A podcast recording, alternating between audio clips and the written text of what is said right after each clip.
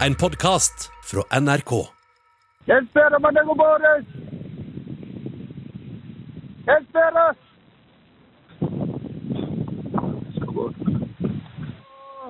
Ja, han er våken. Han ligger der nede.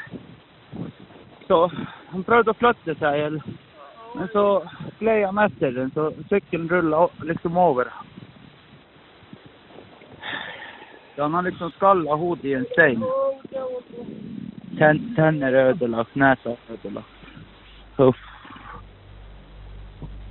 Hit kommer man seg ikke med både Det må ga- garantert helikopter til. Åh, skjøt dere smerter. Jeg så jo egentlig med en gang at det, det her, det, det Det går galt, det her. I jobben vår så støter vi jo på mange forskjellige pasienter. eh, Og en av de på en måte gruppen som er, eh, vi har oppe, er jo reindriftsutøvere. Eh, Og de, de lever jo et det som for meg ser ut som et ganske hardt liv. Og det første han sier til meg, er jo at Herregud, du har jo ikke nese, gutt.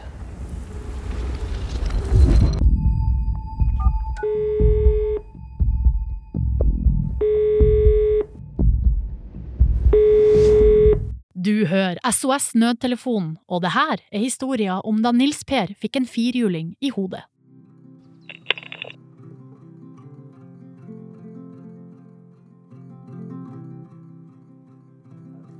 Reindrift er, det er jo noe du nesten må ha fått med blodet for å, for å jobbe med det. Og ja, det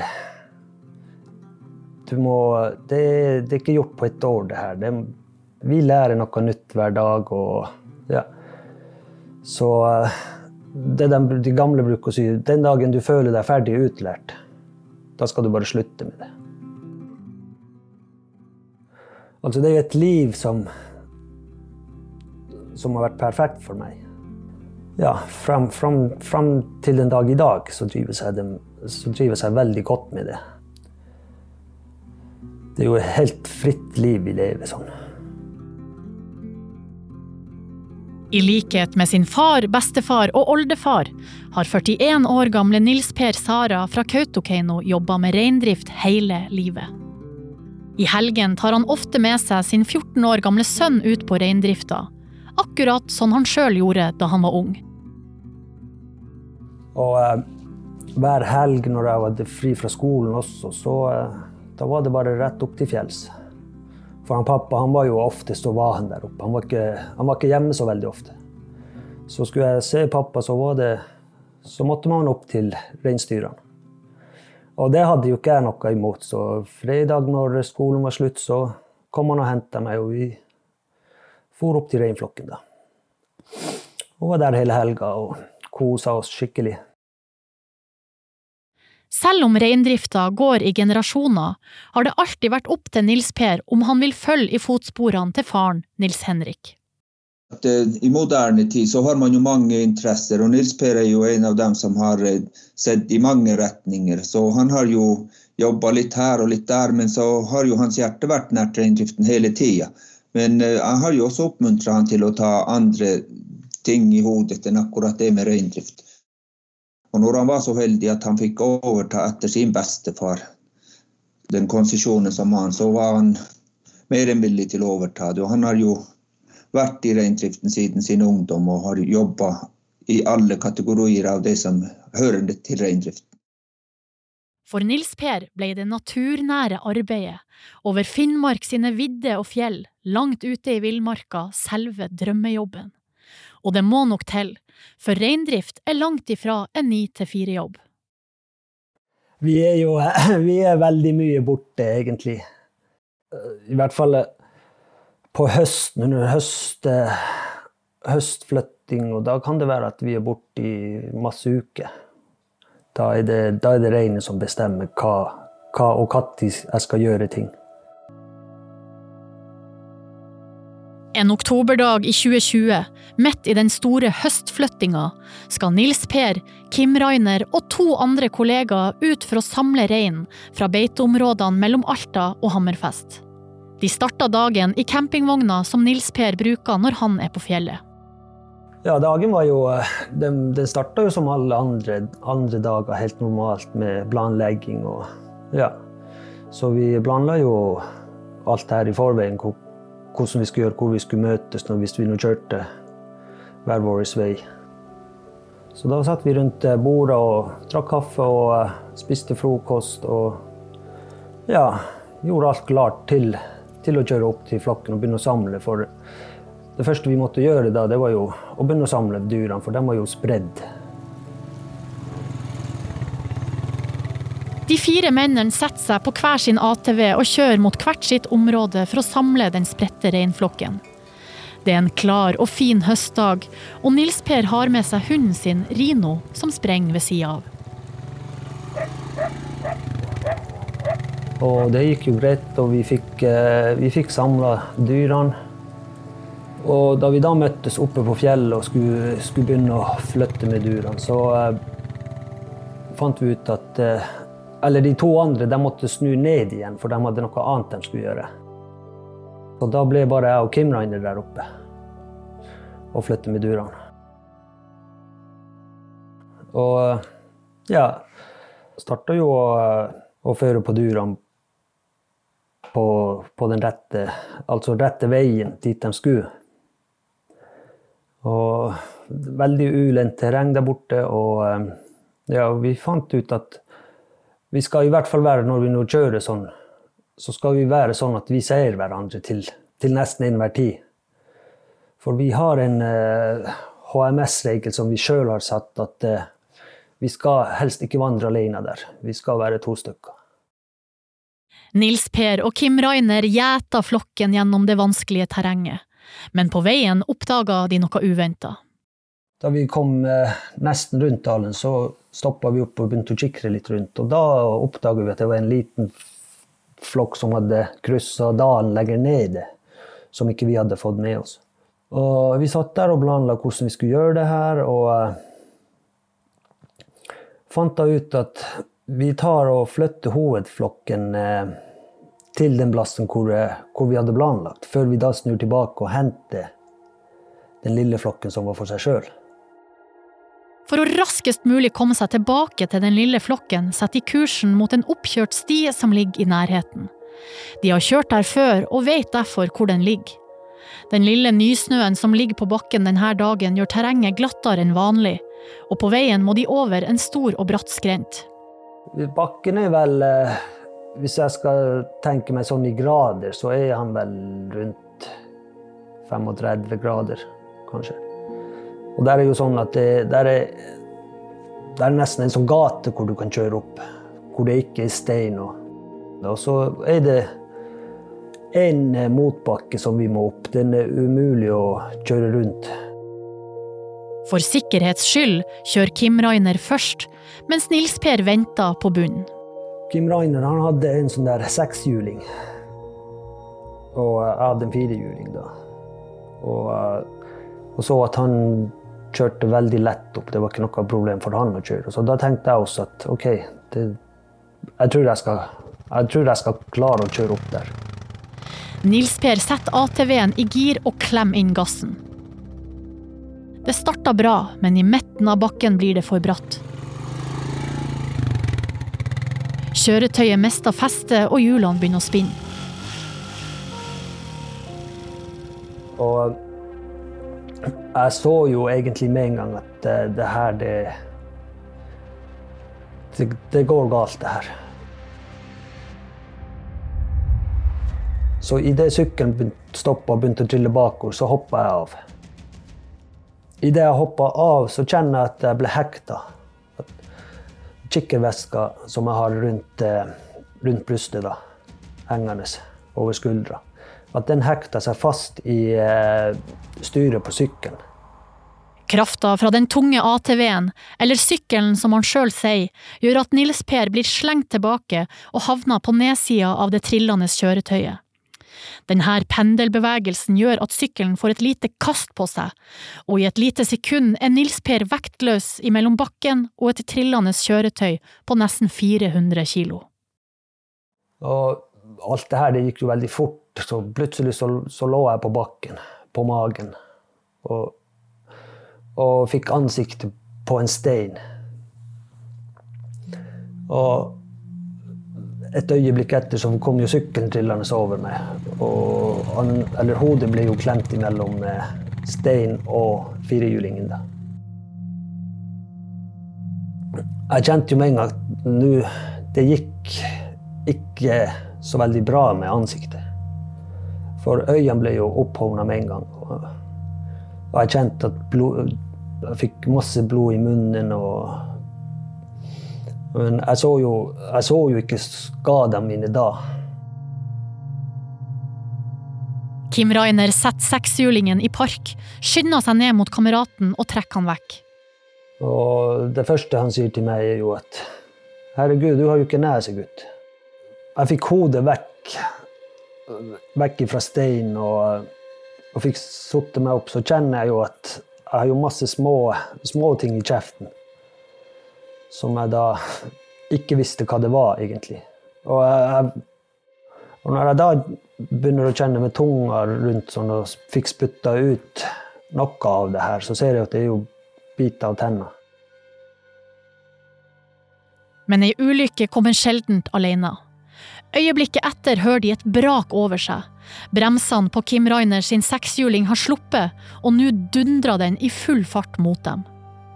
Da tok han bare tak i nakken min og sleppte, eller trakk meg bort fra min sykkel. I mine øyne så, så har han, han har jo redda livet mitt. Ja, hadde ikke han vært der, så, så tror jeg ikke jeg hadde vært her og ja, sittet her hvor jeg sitter nå.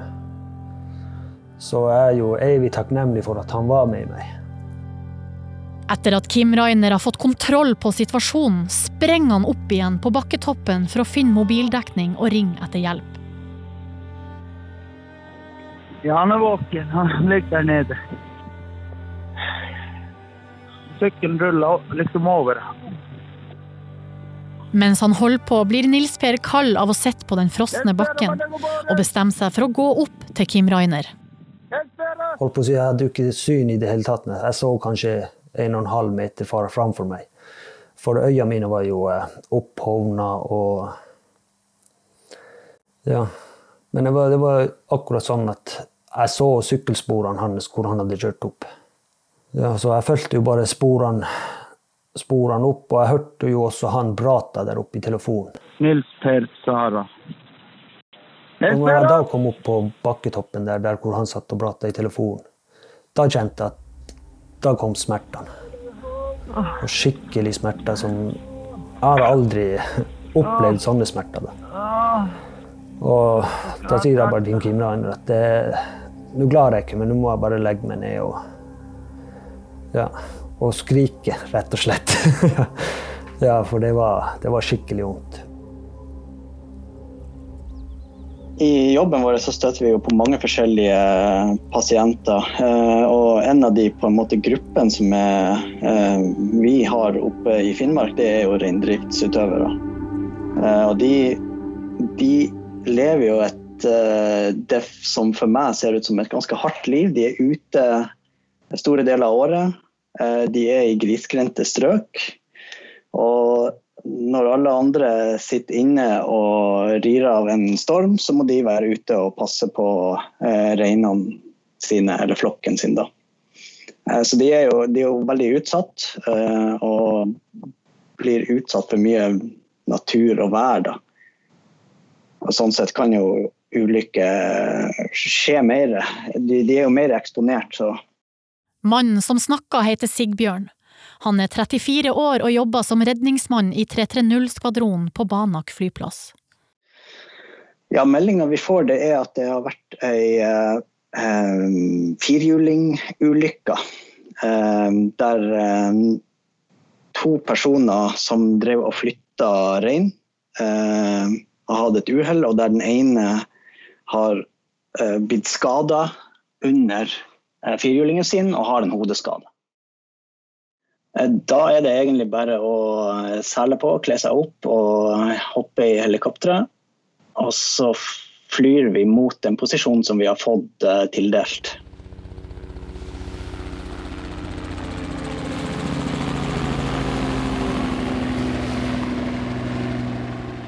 Helikopteret bruker ca. 45 minutter på å komme frem til ulykkesstedet. I løpet av den tida har det begynt å skumre, og helikopteret sliter med å finne dem. Vi prøvde først å lyse med lommelykt idet den kom, men um, vi hadde ikke de beste lommelyktene. Så de, de, så ikke det lyset. De fløy bare rett over oss og fløy liksom lenger ned i dalen for å lete. Og um, vi, de fløy opp og ned, men de kom aldri så høyt opp sånn at helt opp til oss igjen. På dette tidspunktet ligger Nils Per under en sovepose og en jervenduk for å holde varmen. Da begynte jeg å tenke at vi må jo lage, må jo lage et, et, bål eller noe sånt, sånn at det, det blir litt større lyskilde. da. Og eh, da tenkte jeg med en gang at OK, det eneste vi har nå som vi kan brenne, det er en sovepose. Så jeg sa til Kim Rainer bare ta denne posen og sett fyr på den. Sånn at vi får en ordentlig flamme. Og da soveposen har tatt fyr, ser helikopteret dem med en gang. Helikopteret finner en landingsplass, og Sigbjørn og helikopterlegen hopper ut og tar seg frem til Nils Per.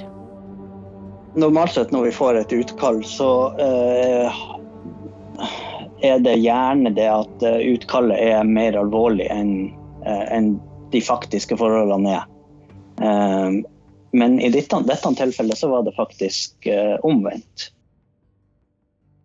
Eh, det er mye blod da, eh, i ansiktet, og vi ser at det er mm, tydelige kutt og mulige brudd i ansiktet. Ettersom Nils Per er bevisst, puster sjøl og klarer å kommunisere, prioriterer redningsmennene å holde ham varm. Eh, vi prøver å konservere den varmen som han har, og tilføre han ekstra varme. Og faktisk, eh, i dette tilfellet så fikk vi hunden hans til å legge seg helt inntil han, for hunden avgir jo mye varme. Og den ville også ligge helt inntil han. Eh, og den skjønte nok at noe var galt her. Ja, veien videre herfra det er å pakke han inn i en madrass. Vi vet ikke hvor alvorlig selve ulykka har vært. Så vi Eh, tar høyde for at det kan være en sånn høyenergiskade, og at han kan ha hatt skader på eh, nakke og rygg også. og Dermed så pakker vi han inn i en slags sånn vakuummadrass som ivaretar eh, stabiliteten da, i, i rygg og nakke.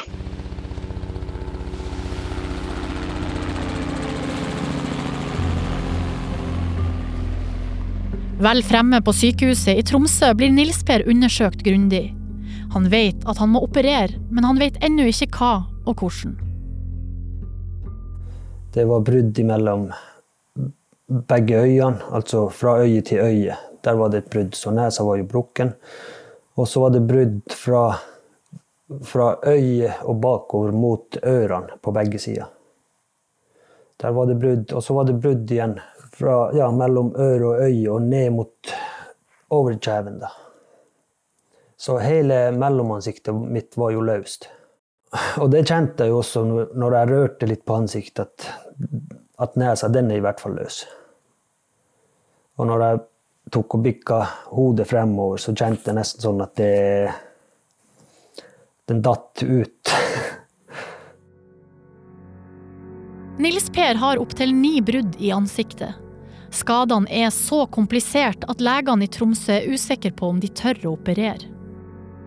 Ja, så sier de at uh, i verste fall, hvis de uh, gjør noe feil, og i og med at det er så nært øyet, så kan de miste synet da, på begge øyene. Og da kom de her tankene uh, at ja, hva hvis Hvis, hvis jeg nå mister synet, da får jeg ikke sett sønnen min, da får jeg ikke sett kjerringa mi mer. Hvordan skal livet mitt bli etter det her, og uh, hva, hva, som skjer med reindrifta da. For uh, vi er jo uh, eh, 100% avhengig av synet når vi, når vi jobber med rein. Så da, det er jo de tankene mine for da. Hva jeg skal gjøre resten av livet. Til slutt blir det bestemt at han skal sendes til Ullevål sykehus i Oslo, hvor de er eksperter på sånne her operasjoner.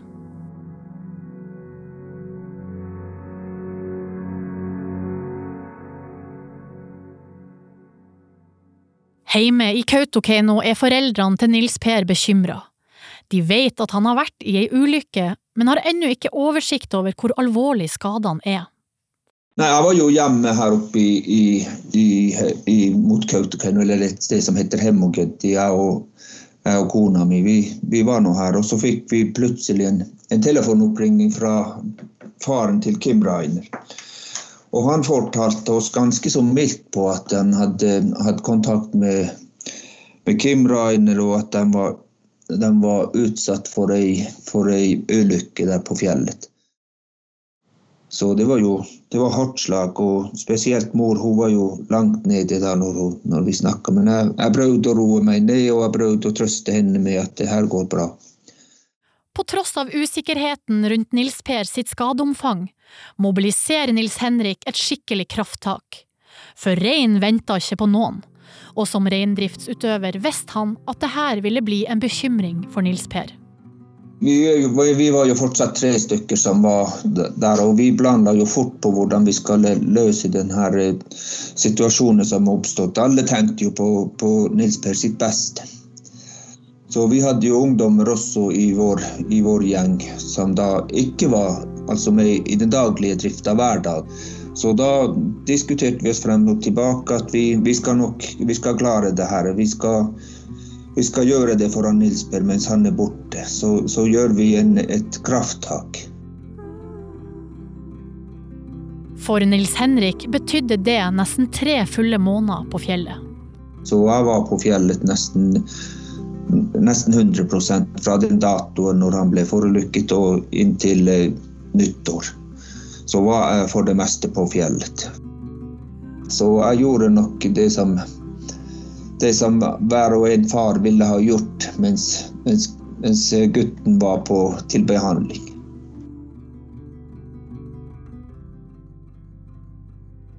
Tilbake på Ullevål, etter en fire timer lang operasjon, er Nils Per på vei ut av narkose.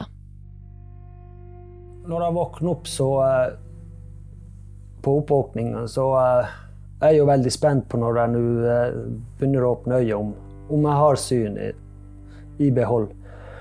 Og får, begynner å få høyre øye opp, og da ser jeg at det begynner å bli mer og mer lyst. Og ja Og jeg sleit jo med å få opp venstreøyet til å begynne med. For den var jo sikkert krodd, eller hva det var. Det ville han jo ikke åpne seg.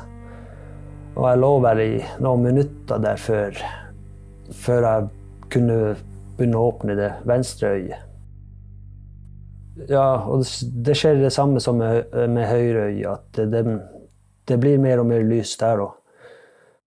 Og da ble jeg jo skikkelig glad, og da rant også en god del tårer. da. Og ja, holdt på å si, da måtte jeg nesten takke Gud for at eh, jeg fikk beholde synet.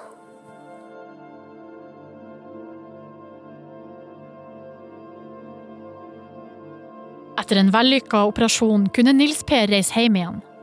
Men veien tilbake til en vanlig hverdag krever tålmodighet. Etter det her så begynte jeg jo å tenke fremover igjen. At nå skal jeg hjem, og jeg skal bli frisk, og jeg skal til fjells igjen. Men eh, ja Jeg har jo litt vondt enda nå i ansiktet, og jeg, jeg, jeg går fremdeles sykemeldt. Nå etter tre måneder, nå er det snart tre måneder siden det her skjedde. Og fremdeles nå så har jeg dobbeltsyn når jeg ser ned og opp. Men jeg, jeg kjenner at det blir bedre, det òg. Nå, nå er det nesten sånn at det har utjevna seg. For å holde det knuste mellomansiktet på plass har Nils Per fått operert inn hele ni metallplater i fjeset. Nå håper han at kroppen vil akseptere metallplatene i fjeset, og at han kan komme tilbake til reindrifta. Ja, det, det, å jobbe med rein er jo veldig viktig for meg, for det er, jo, det er jo det jeg har gjort hele mitt liv. Og det er det jeg trives veldig godt med. Så Hvis det, hvis det skulle skje at jeg må avslutte det her livet jeg holder på med, så det, det blir jo garantert et veldig eh, tung avgjørelse å ta. Og som jeg selvfølgelig håper jeg ikke trenger å ta. At jeg får at jeg får jobbe med det her til den dagen jeg ikke klarer mer. Ja, så har jeg jo en forhåpning om at sønnen min har lyst til å overta etter meg, da.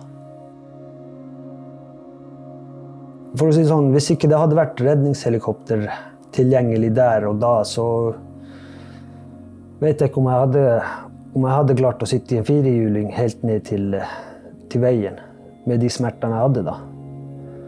Så uh, å ha redningstjenesten der og Sea King tilgjengelig er jo en veldig betryggelse for oss som er mye ute i naturen. Og, ja, så uh, den tjenesten håper jeg virkelig er der også i fremtiden.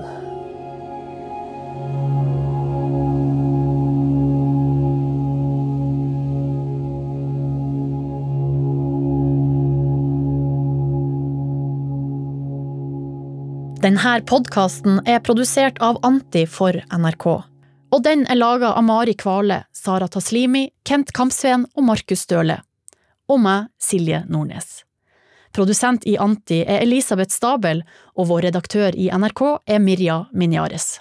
Du har hørt en podkast fra NRK. Hør flere podkaster og din favorittkanal i appen NRK Radio.